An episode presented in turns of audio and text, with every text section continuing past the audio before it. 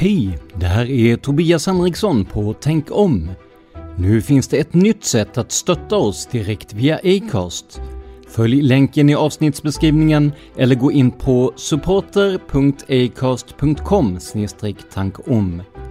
Tack för ditt stöd!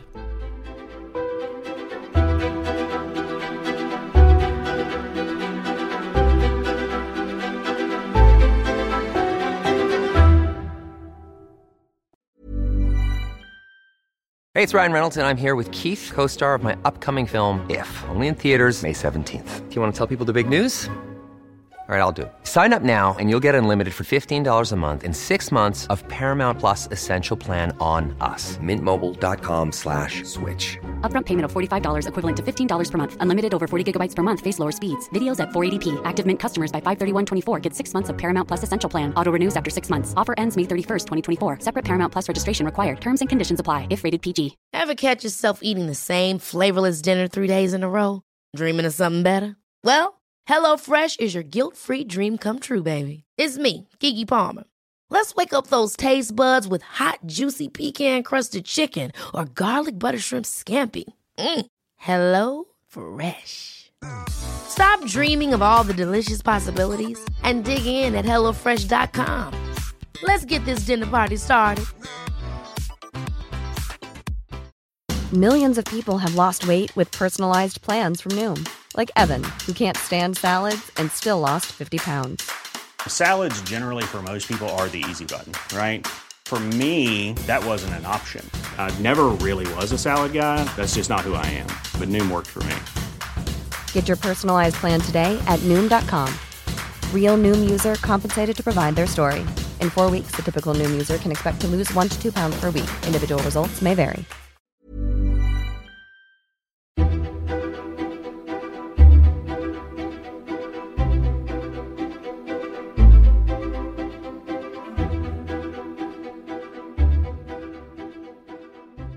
En ung kvinna försvinner på ett ökänt hotell.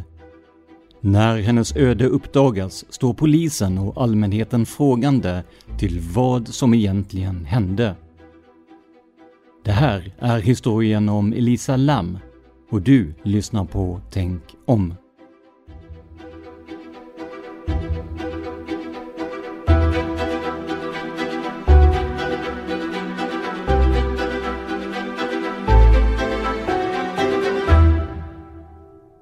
Välkomna till Tänk om, en podcast som granskar konspirationsteorier och myter. Jag heter Tobias Henriksson. Nu är det äntligen dags för våra mer traditionella avsnitt efter mjukstarten för två veckor sedan där ni fick ställa frågor till mig. Idag har vi också den stora glädjen att presentera vår första externa manusförfattare det är Bella Lundberg från min hemstad Karlskrona som tagit sig an ett fall som verkligen kryllar av såväl mystik som olika konspirationsteorier och myter. Men mer om själva fallet alldeles strax. För först vill jag bara tacka alla er som stannat kvar som sponsorer trots det långa uppehåll som varit. Ni är guld värda och självklart ska ni bli belönade för det. Därför får ni alltid tillgång till avsnitten lite tidigare än andra genom att logga in på patreon.com tankom. Vill du också få avsnitten tidigare och på samma gång stötta podden ekonomiskt? Gå in på patreon.com tankom och donera en summa som vi får per publicerat avsnitt. Det är alltså patreon.com tankom. Gör vi inga avsnitt, som under delar av 2020, så dras heller inga pengar. Du kan också göra engångsdonationer via Swish eller Acasts supporterfunktion. Men i dagsläget finns det tyvärr inget bra sätt att ana med förhandslyssning där. Men om ni sponsrar med 100 kronor eller mer så ska jag ordna så att ni får tillgång till förhandslyssning för den kommande månadens avsnitt, ni med. All information om hur ni gör engångsdonationer, det hittar du i avsnittsbeskrivningen. Men nu över till dagens ämne. Det finns en historia som jag alltid haft svårt att släppa. Den innehåller mystik, mord, konspirationsteorier och till och med en del påstått övernaturliga händelser. Jag pratar om Elisa Lams död. Ni som följer Mördarpodden vet att jag tidigare gjort ett kort avsnitt om det här i Minuter med mord. Nu har ju de avsnitten blivit en egen podd och kanske, kanske kommer jag att sända ut en längre version om Elisa Lam även i den podden. Men nu över till själva historien som berättas av mig, Tobias Henriksson, utifrån ett manus av Bella Lundberg. Den 30 april 1991 föddes Elisa Lam i Vancouver i Kanada. Hennes föräldrar emigrerade från Hongkong och även Elisa har följaktligen asiatiskt påbrå. Hennes namn på kantonesiska var Lam Ho Ji. När Elisas föräldrar anlände till Kanada startade de en liten restaurang utanför Vancouver i staden Burnaby, medan Elisa kom att studera vid det kanadensiska universitetet University of British Columbia. Det finns inte jättemycket information om Elisas tidiga liv, men det har uppdagats att hon led av depression och hade diagnosen bipolär sjukdom. Depression känner säkert de flesta till, men kanske kräver bipolär sjukdom en närmare förklaring. Den här sjukdomen kallades tidigare för manodepressivitet och är precis vad det låter som. Man är ömsom manisk, ömsom djupt deprimerad. I de maniska perioderna infinner sig en känsla av oändlig kraft, nästan oövervinnelighet. Även självförtroendet växer under de här perioderna och inget känns omöjligt. Men som sagt, den här sjukdomen yttrar sig också i depressioner, där ingenting känns roligt och där energin är totalt slut. Man kan också känna livsleda eller till och med göra försök att ta sitt liv. Allt detta enligt Vårdguiden 1177.se. Och innan vi fortsätter berättelsen vill vi bara säga att om du känner dig deprimerad eller har tankar på att skada dig eller avsluta ditt liv, så tveka inte utan kontakta sjukvården på en gång. Du hittar till exempel Självmordslinjen på telefonnummer 90 101. Via deras hemsida mind.se kan du också chatta med dem om dina tankar. Om du är akut självmordsbenägen ska du alltid ringa 112. För att komma till rätta med sina problem hade Elisa Lam fått fyra mediciner utskrivna. Men att vara drabbad av psykisk ohälsa kan vara skamfyllt för den som lider av det och även för personens familj. Därför var Elisas problem inget som familjen pratade högt om. Elisa hade också en blogg där hon skrev om sitt intresse för mode, men också om sin psykiska ohälsa. Med största sannolikhet var det på grund av hennes svårigheter som hennes försvinnande och död till en början ansågs vara ett självmord. Men det här skulle komma att ifrågasättas när fler fakta kom fram och fler frågor började ställas. 2013 bestämde sig den då 22-åriga Elisa för att ge sig ut och resa på egen hand. Målet var Kalifornien i grannlandet USA. Enligt bilder som hon postat på sociala medier hade hon varit på San Diego Zoo och dessutom åkt runt mycket med buss för att ta sig till olika städer och se omgivningen. Den 26 januari 2013 kommer Lisa fram till Los Angeles. När hon anlände tog hon in på det ökända Cecil Hotel. Det här hotellet har varit synonymt med mord och skräck sedan tidigt 1900-tal. Till en början skulle hotellet främst användas av genomresande affärsmän, men det tog inte lång tid förrän hotellets rykte skulle förändras till det sämre. För att få en liten inblick i varför hotellet ansågs som ont eller rent av övernaturligt behöver vi backa bandet till 1964. Den 4 juni det året hittade en hotellarbetare Pigeon Goldie Osgood död på sitt hotellrum. Hon hade våldtagits, huggts och blivit slagen och dessutom hade hennes rum gått igenom. Osgood var en profil i området och hade fått sitt smeknamn Pigeon eftersom hon ofta matade duvorna vid närliggande Pershing Square. Nära liket fanns den baseballkeps hon alltid bar och dessutom en papperspåse full med fågelfrön. Trots att en person som setts gå genom Pershing Square med blodstänk på kläderna arresterades så kunde han senare inte bindas till brottet. Mordet och våldtäkten på Pigeon Goldie Osgood är än idag olöst. Om man ska driva ett trivsamt och mysigt hotell så finns det en typ av klienter man definitivt inte ska ha. Seriemördare. Men Cecil Hotel hade inte bara haft en, utan två seriemördare som bott på hotellet. Det handlade om den inte helt okände Richard Ramirez och dessutom Jack Unterweger. Ett antal självmord har också ägt rum på hotellet. Ett par dagar efter att Elisa hade checkat in på det här otursföljda hotellet blev hon tilldelad ett annat rum eftersom personen hon delade rum med klagade på att Elisa betedde sig konstigt. Men de här uppgifterna kom fram först senare och förmedlades av hotellets advokat. Någon mer information om detta framkom aldrig.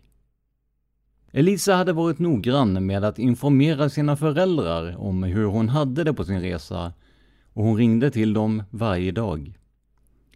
Men den 31 januari förändrades allt. Hon hade berättat för sin mamma och pappa att hon denna dag skulle checka ut från Cecil Hotel, där hon hade bott, för att sedan fortsätta sin resa till Santa Cruz. Men just den här dagen hörde föräldrarna aldrig av henne. Och det var här som mystiken i fallet Elisa Lam började. Den mystik som gjort fallet smått legendariskt bland privata intressenter och dessutom spöksidor.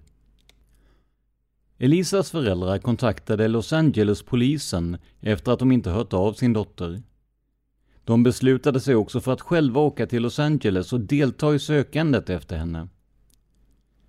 När polisen intervjuade personer som skulle kunna ha sett något så sa hotellpersonalen att de bara sett henne ensam. Elisa hade också varit och handlat presenter i en närliggande bokaffär och de här gåvorna skulle hon ge sin familj när hon kom tillbaka. Men Elisa kom aldrig tillbaka. Enligt CNN som intervjuade bokaffärsägaren Katie Orphan hade hon uppfattat Elisa som väldigt trevlig, snäll och utåtriktad. Den 15 februari fanns fortfarande inga nya uppgifter om vart Elisa tagit vägen. Los Angeles-polisen bestämde sig nu för att släppa en video som spelats in av en övervakningskamera på hotellet. Videon har tagits strax utanför en hiss och man ser Elisa Lam i bild. Men det var inte det här som gjorde att fallet fick så stor uppmärksamhet, utan det som sedan sågs på filmen. Klippet börjar med att hissdörrarna öppnas och Elisa stiger in. Hon är iklädd en röd luvtröja, svarta shorts och ett par sandaler. Hon böjer sig fram för att trycka på hissknappen, men istället för att välja våning och trycka på den knappen trycker hon in flera knappar för olika våningsplan. Hon ställer sig sedan i hörnet av hissen utan att hissdörrarna stängs. Därefter går hon fram till dörrarna och tittar snabbt åt båda hållen i korridoren utanför för att sedan kasta sig tillbaka in i hissen. Som att hon gömmer sig för någon. Eller att hon försöker rymma ifrån samma person. Elisa ställer sig mot väggen och verkar försöka gömma sig. Ännu en gång går hon fram till hissdörrarna. Fortfarande har hissen inte rört sig och av någon anledning lämnar den inte våningen. Väl utanför hissen kan man se Elisa gå åt både höger och vänster, backa in i hissen igen och sedan återigen gå ut i korridoren. Den här gången blir hon stående utanför en stund för att sedan gå tillbaka in i hissen och ännu en gång trycka in alla hissknapparna. Elisa går ur hissen igen och nu börjar hon gestikulera med händerna. Hon tycks prata med någon. Men vem? I videon ser man ingen annan person som skulle kunna föra en konversation med henne. Elisa försvinner ur bild och till slut stängs hissdörrarna och hissen lämnar våningen. När den här filmen publicerades av polisen för att komma i kontakt med fler vittnen väcktes fler frågor än vad det gavs svar. Teorierna var många. Flera av de som tittade på filmen uppfattade den som obehaglig, främst på grund av Elisas beteende. Var hon påverkad? Var det någon som jagade henne? Hallucinerade hon? Var det något övernaturligt? När allmänheten till sist fick reda på att Elisa led av bipolär sjukdom började spekulationerna om att hon kanske hade en psykos. Något som sågs i videon var att både datumstämpeln i hörnet och Elisas mun var pixlad, alltså digitalt utsuddade, som för att dölja datumet och vad hon säger. Det fanns också långtgående spekulationer om att polisen hade fifflat med filmmaterialet. Vissa tyckte sig se att filmen var klippt och nedkortad och att hastigheten skulle ha förändrats. Detta skulle ha gjorts för att dölja att Elisa fallit offer för ett brott av en typ som polisen inte ville gå ut med. Tiden gick och efter ett par dagar började hotellgästerna klaga på det dåliga vattentrycket i kranar och duschar. De rapporterade också att vattnet hade en mörk färg och smakade konstigt. Anledningen till de här problemen kom snart att bli smärtsamt tydliga. För med tanke på att vattnet inte var sig likt bestämde sig hotellpersonalen för att undersöka den vattentank som stod på taket. Kanske hade det blivit stopp där. Kanske hade något djur tagit sig in där och drunknat. Men sanningen var mycket värre än så. För den 19 februari, alltså 19 dagar efter att hon hade anmälts försvunnen, finner man Elisa Lams kropp den hittas i en av fyra vattentankar som fanns på hotellets tak och det var dessa vattentankar som försåg hotellet, ett kök och ett café med vatten. Hela tanken fick tömmas och klippas upp, för den utrustning som skulle användas för att få upp Elisa gick inte att få ner genom luckan. Los Angeles rättsläkarstation rapporterade att den fastställda dödsorsaken var en drunkningsolycka där Elisas bipolära sjukdom ska ha varit den främsta orsaken. Hon hittades naken, med kläder liknande de hon hade i övervakningsfilmen flytande i tanken. Kläderna var täckta av en vitaktig pulversubstans, men vad detta pulver egentligen bestod av blev aldrig fastställt. Inte heller var det skulle ha kommit ifrån. Det fanns många teorier om att det till exempel skulle kunna vara fin sand från botten på tanken, eller något liknande. Men som sagt, än idag vet vi inte med säkerhet. I obduktionsrapporten står det också skrivet att shortsen och en t-shirt som fanns i tanken tillsammans med kroppen var i herrstorlekar. Huruvida hon köpt dessa själv är ytterligare en fråga som saknar svar i dagsläget. En annan sak som satt fart på konspirationsteorierna är att Elisa ska ha hittats med ansiktet uppåt. Det skulle, enligt många som själva undersökt fallet, tyda på att hon inte drunknat utan antingen dränkts eller placerats i tanken efter sin död. För enligt samma teori kan en person som drunknar inte dö med ansiktet uppåt. Men här är det dags att ta död på en myt redan innan vi kommer till sammanfattningen. För manusförfattaren Bella Lundberg har nämligen grävt i detta och fått fram att hur kroppen flyter efter en drunkning beror på en mängd olika saker, som till exempel fördelningen av fettet i kroppen. Har man till exempel mycket fett runt bröst och mage är sannolikheten större att man också kommer att flyta med ansiktet uppåt. Dessutom vänder en drunknad kropp ofta på sig efter ett tag. Så att Elisa hittades med ansiktet uppåt behöver i sig inte betyda någonting. Obduktionen visade inte heller någon form av våld mot varken kropp eller huvud. Det gick inte att fastställa om Elisa utsatts för sexuellt våld, dels på grund av kroppens påbörjade förruttnelse, dels för att svaret på de eventuella tester om sexuellt våld som togs inte har släppts än idag. Have catch yourself eating the same flavorless dinner three days in a row?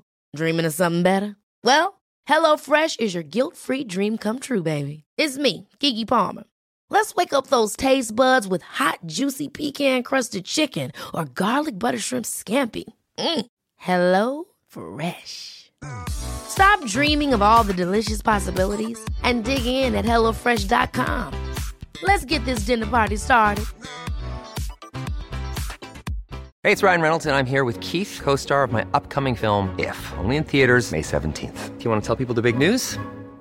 All right, I'll do it. Sign up now and you'll get unlimited for $15 a month in six months of Paramount Plus Essential Plan on us. Mintmobile.com slash switch. Upfront payment of $45 equivalent to $15 per month. Unlimited over 40 gigabytes per month. Face lower speeds. Videos at 480p. Active Mint customers by 531.24 get six months of Paramount Plus Essential Plan. Auto renews after six months. Offer ends May 31st, 2024. Separate Paramount Plus registration required. Terms and conditions apply if rated PG. Millions of people have lost weight with personalized plans from Noom, like Evan, who can't stand salads and still lost 50 pounds. Salads, generally, for most people, are the easy button, right? For me, that wasn't an option. I never really was a salad guy. That's just not who I am. But Noom worked for me. Get your personalized plan today at Noom.com. Real Noom user compensated to provide their story. In four weeks, the typical Noom user can expect to lose one to two pounds per week. Individual results may vary. En toxisk utredning gjordes också, men det visade sig svårare än tänkt då kroppen svullnat upp och innehöll mycket vätska. Det man kunde utläsa var dock att hon hade bupropion och venlafaxin i kroppen. Det här är två läkemedel som bland annat används för att behandla depression. Dessutom hade hon låga doser av ibuprofen mot smärta och feber i kroppen. Men det var i så små doser att man kunde utesluta att det hade med döden att göra. Till sist påträffades även läkemedlet Lamotrigin som används för att behandla bipolär sjukdom. Även det här läkemedlet påträffades i väldigt små doser. Genom de här testerna kunde man alltså utesluta att Elisa hade tagit någon dödlig dos medicin eller blivit drogad. Inte heller alkohol tycks ha spelat in i förloppet. Hon hade nämligen bara 0,2 promille alkohol i blodet, tillräckligt för att till exempel köra bil i USA. Resultatet av testerna tycktes alltså väcka ännu fler frågor. Och som att det inte räckte med de frågorna kring själva dödsorsaken och hur hon hamnade i tanken, så uppstod ännu fler frågetecken för polisen. Till exempel var alla dörrar och trappor som ledde upp till taket på hotellet låsta och de enda som hade tillgång dit var hotellpersonalen. Hade Elisa försökt forcera dörrarna hade ett larm aktiverats. Det här faktumet är en av de saker som gjort att det uppstått en konspirationsteori runt fallet. För hur kommer man till taket utan att använda dörrar eller trappor? Det här är också en del i de övernaturliga konspirationsteorier som finns om fallet. Vem, eller kanske vad, kan ta sig upp på ett tak utan att märkas? Och vem eller vad kan dränka en person utan att lämna spår. Det här är såklart kittlande för teorin om att Elisa inte dog på egen hand. Men tyvärr för de som tror på den visade det sig senare att det fanns brandstegar och brandutgångar som Elisa hade kunnat ta sig via för att få tillgång till taket. Ytterligare en sak som folk ifrågasatte var hur hon tog sig upp på de stora vattentankarna och dessutom tog sig in i dem. Tankarna var över två meter höga och personalen fick använda stegar för att kontrollera vattnet i dem. Men på platsen fanns det ingen stege, så hur tog sig Elisa upp på dem? Dessutom var tankens lock tunga. Hur skulle Elisa inifrån tanken liggande i vattnet kunna ta sig upp, nå locket och stänga det? Polisen var dessutom uppe på taket efter Elisas försvinnande och sökte efter henne med en hundpatrull. Men hundarna markerade aldrig för att Elisa skulle ha varit där på taket. Många ifrågasätter också varför hennes användare på Tumblr fortsatte att göra uppdateringar efter hennes försvinnande. Hennes mobiltelefon återfanns aldrig, varken på hotellrummet eller i vattentanken. Skulle någon kunna ha tagit hennes telefon och fortsatt att göra uppdateringar med den i någon slags sjuk lek efter ett förmodat brott? Men så behöver det inte alls vara. Flera användare menar att inläggen kan ha postats automatiskt, till exempel genom att dessa schemalagts innan. Kanske är det ett bra sätt att hålla sin blogg uppdaterad även när man är iväg, att i förväg schemalägga publiceringar för att hålla intresset vid liv. Så vad är egentligen sanningen om Elisa Lams död? Föll hon offer för en hänsynslös mördare? Och i så fall, jobbade den personen på hotellet med tanke på tillgången till hotelltaket? Kan hon faktiskt ha blivit drogad, men att spår av droger inte gick att upptäcka efter den långa tiden i vatten? Fick hon kanske en hallucination orsakat av en psykos?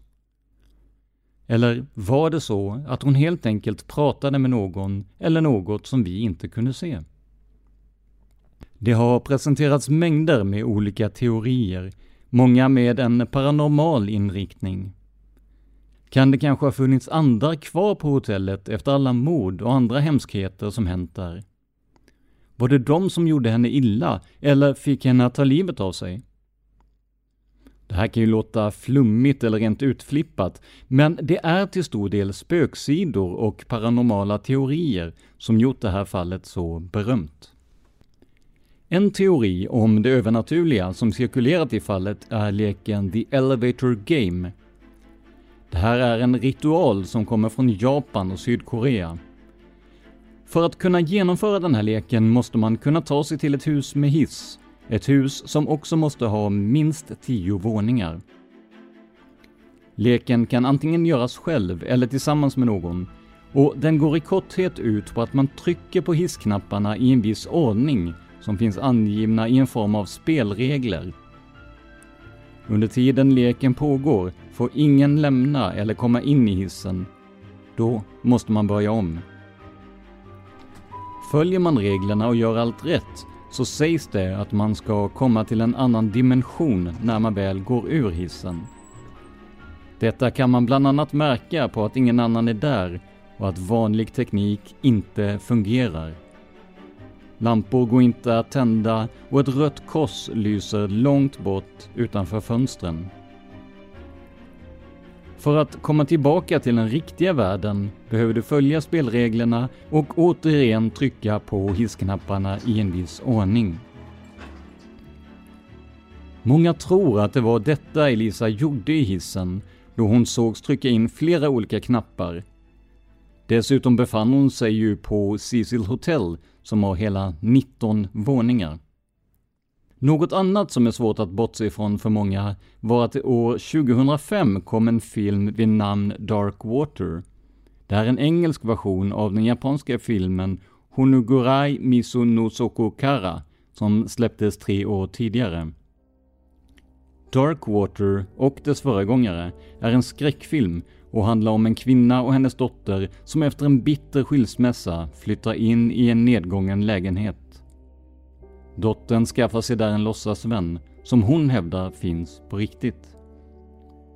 I filmen förekommer scener som att vattnet är grumligt i kranarna och det kommer svart hår ur dem. Visst känner ni igen storyn så här långt, inte sant? Här vill manusförfattaren Bella varna för att vi nu kommer att berätta slutet på filmen. Så om ni inte sett den och planerar att göra det, bör ni hoppa fram cirka 30 sekunder i avsnittet. För i filmen visade det sig sedan att den låtsaskompis som dottern hade var en riktig flicka som hade drunknat i en av vattentankarna på lägenhetens tak. Det här ansågs såklart vara en mycket märklig tillfällighet då filmen gjordes cirka tio år innan Elisa Lam hittades död på samma sätt. Kan någon ha försökt efterlikna filmens handling och därmed dödat Elisa Lam på samma sätt som det vi nyss hörde om? Ett annat konstigt samband var att kvinnan i den amerikanska versionen heter Dahlia. Ni som lyssnat på Mördarpodden och dess extraserie Minuter med mord ser säkert sambandet med en gång.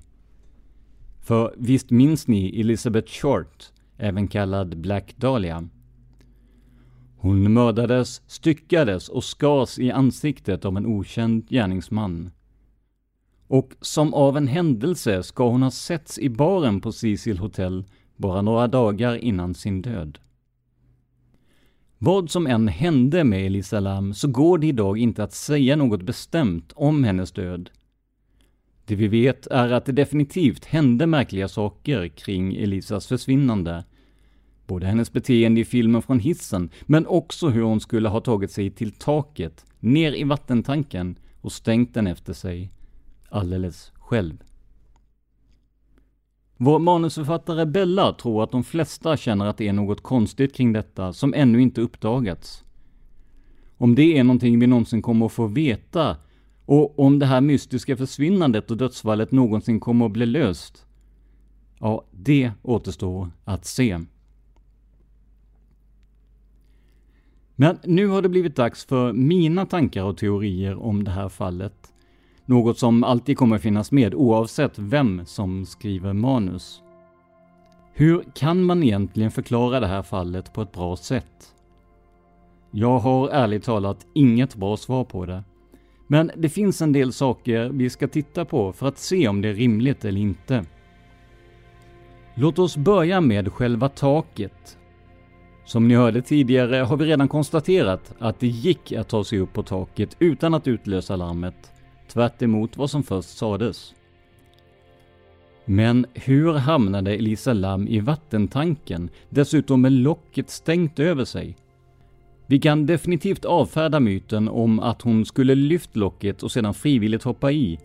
För hur skulle hon komma upp? Hur skulle den här ganska lilla och späda tjejen kunna lyfta av locket?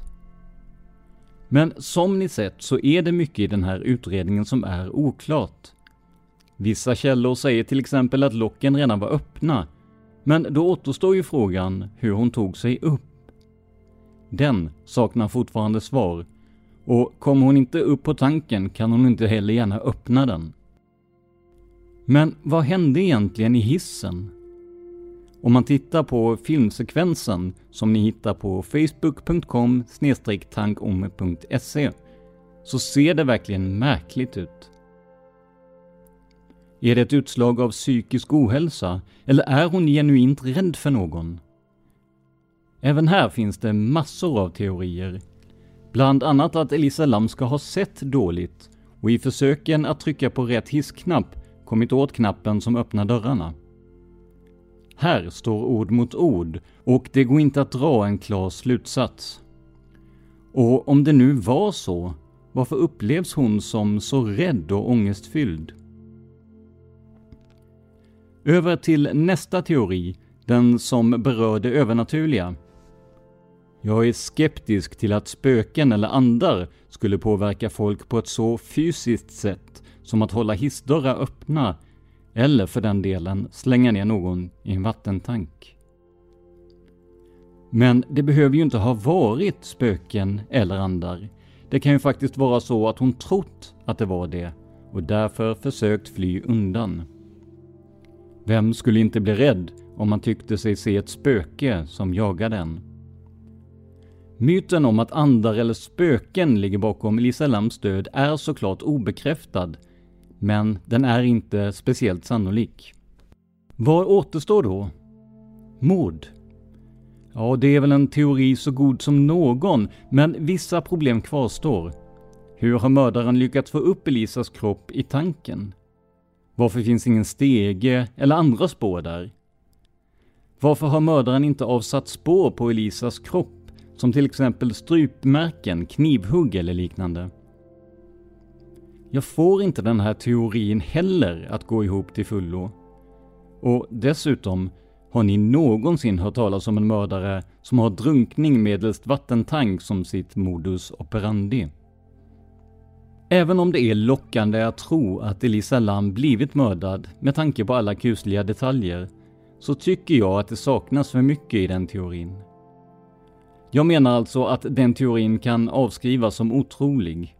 Därmed inte sagt att det absolut inte går till så. Och jag vet, ni vill ha mina synpunkter och ni vill att jag ska vara tydlig. Men det är svårt att vara riktigt tydlig med ett av de i mitt tycke mest oklara fall jag sett. Men som plåster på såren så ska ni få den teori som jag tror mest på. Elisa Lam led ju av psykisk ohälsa med bipolär sjukdom och depressioner. Hon åt förvisso medicin för dessa, men i den toxikologiska rapporten var doserna väldigt låga. Det här kan såklart bero på tiden som gått sedan hon dog, eller det faktum att hon legat i vatten. Men tänk om Elisa faktiskt slarvade med sin medicin, medvetet eller omedvetet, under tiden i Kalifornien. Tillsammans med pressen från resan, det läskiga hotellet och andra omständigheter skulle detta i alla fall kunna förklara en del av det som hände. Jag tänker mig att Elisa mådde genuint dåligt den sista dagen i livet. När hon hittades hade hon förvisso bara 0,2 promille alkohol i blodet, vilket nästan inte är någonting, men samtidigt tyder det på att hon druckit alkohol innan händelsen. Vissa läkemedel ska inte kombineras med alkohol, speciellt inte sådana som används mot olika former av psykisk ohälsa. Jag ser två olika scenarion. Kan Elisa ha slutat ta sin medicin för att riskfritt kunna gå ut och festa på kvällen? Eller kan hon ha tagit sina mediciner ovetande om att de inte rimmar så bra tillsammans med alkohol? Det här är såklart bara spekulationer och det vill jag verkligen betona, men jag känner ändå att det är mer sannolikt att hon mådde dåligt än att spöken eller mördare jagade henne. Så den teori jag tycker verkar bäst är alltså ett återfall i något som påminner om en psykos eller ett kraftigt maniskt tillstånd. Kan detta ha fått henne att ta beslut hon annars inte skulle ta? Jag tycker inte att det är osannolikt. Men med tanke på hur lite vi vet och hur mycket det spekuleras så är väl frågan om vi någonsin får reda på vad som egentligen hände Elisa Lam. Vad tror du om det här fallet? Vad hände med Elisa? Gå gärna in på facebook.com tankom.se och kommentera dagens avsnitt. Där får du också mer information om kommande avsnitt och eventuella event när väl pandemin är över. Jag vill också påminna er om att ni kan få avsnitten tidigare och dessutom få en hel del andra fina belöningar genom att sponsra oss på patreon.com tankom. Det är alltså p-a-t-r-e-o-n.com tankom. Genom att göra det här kan du stödja podden och se till att vi kan fortsätta komma ut under lång tid framöver. Donationerna kommer såklart också att gå till våra fantastiska manusförfattare som nu på allvar gjort entré i podden. Om du vill donera en engångssumma istället så finns alla uppgifter du behöver i avsnittsbeskrivningen. Stort tack för ditt stöd! Det här var veckans avsnitt av Tänk om, som gjordes av mig, Tobias Henriksson på PRS Media. För manus den här veckan stod Bella Lundberg. För mer information om mig och mina projekt besök facebook.com prsmedia.se eller gilla oss på Instagram där vi heter prsmedia. Ett ord, små bokstäver. Stort tack till alla som fortsatt att stötta oss på Patreon trots det långa uppehållet.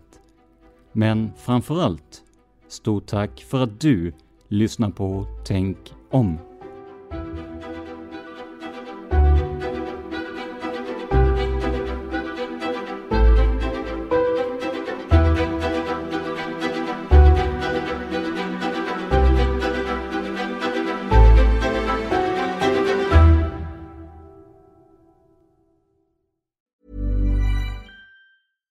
Catch yourself eating the same flavorless dinner three days in a row? Dreaming of something better? Well, HelloFresh is your guilt-free dream come true, baby. It's me, Kiki Palmer. Let's wake up those taste buds with hot, juicy pecan-crusted chicken or garlic butter shrimp scampi. Mm. Hello Fresh. Stop dreaming of all the delicious possibilities and dig in at HelloFresh.com. Let's get this dinner party started. When it comes to your finances, you think you've done it all. You've saved, you've researched, and you've invested all that you can. Now it's time to take those investments to the next level by using the brand behind every great investor, Yahoo Finance. As America's number one finance destination, Yahoo Finance has everything you need, whether you're a seasoned trader or just dipping your toes into the market. Join the millions of investors who trust Yahoo Finance to guide them on their financial journey. For comprehensive financial news and analysis, visit yahoofinance.com the number one financial destination, yahoofinance.com.